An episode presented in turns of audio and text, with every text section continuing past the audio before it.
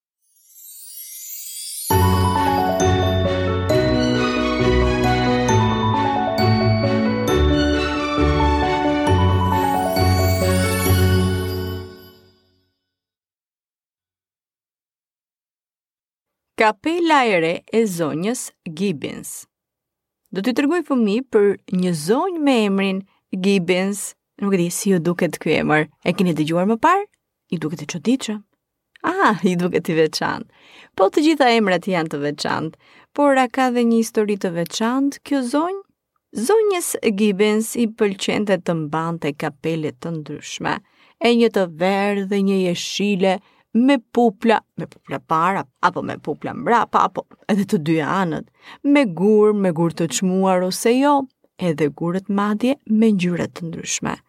Kapelet ishin edhe të kombinuara sidomos me veshjet, me kostumet e saj, me këpucët dhe me të gjithë aksesorët.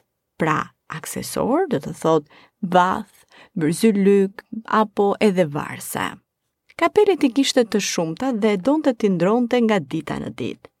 Por ja që një ditë, ajo donte të krijonte vetë një kapele, ta bënte në ngjyrë kafe sepse ishte e vetmja ngjyrë që nuk kishte. E dekoroi me ruaza me ngjyrë rozë, mendoi pastaj të shtonte dhe fjongo me ngjyrë të gjelbër. Pastaj, gjeti dhe ca pupla tepër të bukura, të cilat i kishte gjetur në rrugë, teksa kalonin pëllumbat që i ushqente, qoftë ajo apo dhe të tjerët, dhe linin aty kur ata fluturonin apo përplasnin krahët fort. I mori këto pupla shumëngjyrëshe dhe i vendosi mbi të. Ajo më pas gjeti edhe pak dantellë dhe ia shtoi kapeles. Tani ishte gati. Ajo qëndronte përpara kapeles dhe shihte me admirim.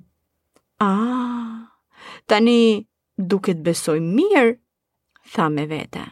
Jam gati ta vesh që tani. Po shkoj në dyqan për të blerë ushqimet e mia të përditshme, do bëj pak pazar dhe ja një mundësi e mirë për ta vënë kapelen në kokë. Zonja Gibbons e vuri kapelen e saj të re dhe filloi të ecte poshtë rrugës. Ajo po priste që të tjerët ta shihnin dhe ta admironin e t'i bënin komplimente. Si fillim ajo ndaloi te dyqani duke marrë ushqim. Mori ushqimet që donte, i futi në qese dhe po ecte. Kishte punë tek lavanteria. Aty ishte me vetëshërbim. Futi rrobat që kishte dhe më pas erdhi koha për t'u kthyer në shtëpi. E mori kapelen dhe e hoqi me kujdes.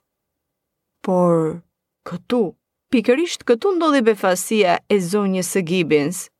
Zonja Gibbons e la kapelen anash dhe pa mbi të një vezë. Një vezë, po po një vezë. Me sa duket, duke ecur në rrugë, zogjtë kishin bërë fole në kapelën e saj, me plot pupla që kishte aty, e si të ndodhte ndryshe. Kështu, ajo vendosi të mos e vërë më në kokë këtë kapele, që ishte tashmë një fole e mrekullueshme e përshtatshme dhe e ngrohtë për zogjtë. Priti disa ditë ku një zog i vogël çau lëvoren e vezës dhe ishte aty. Tani, zonja Gibbins do priste në dritare për maman e zogut të vogël. Nuk e di të themi që a do të bënte kapele të tilla, por e sigurt që nuk do të bënte më kapele me fole zogjsh, sepse kështu dhe zogjtë do të hutoheshin.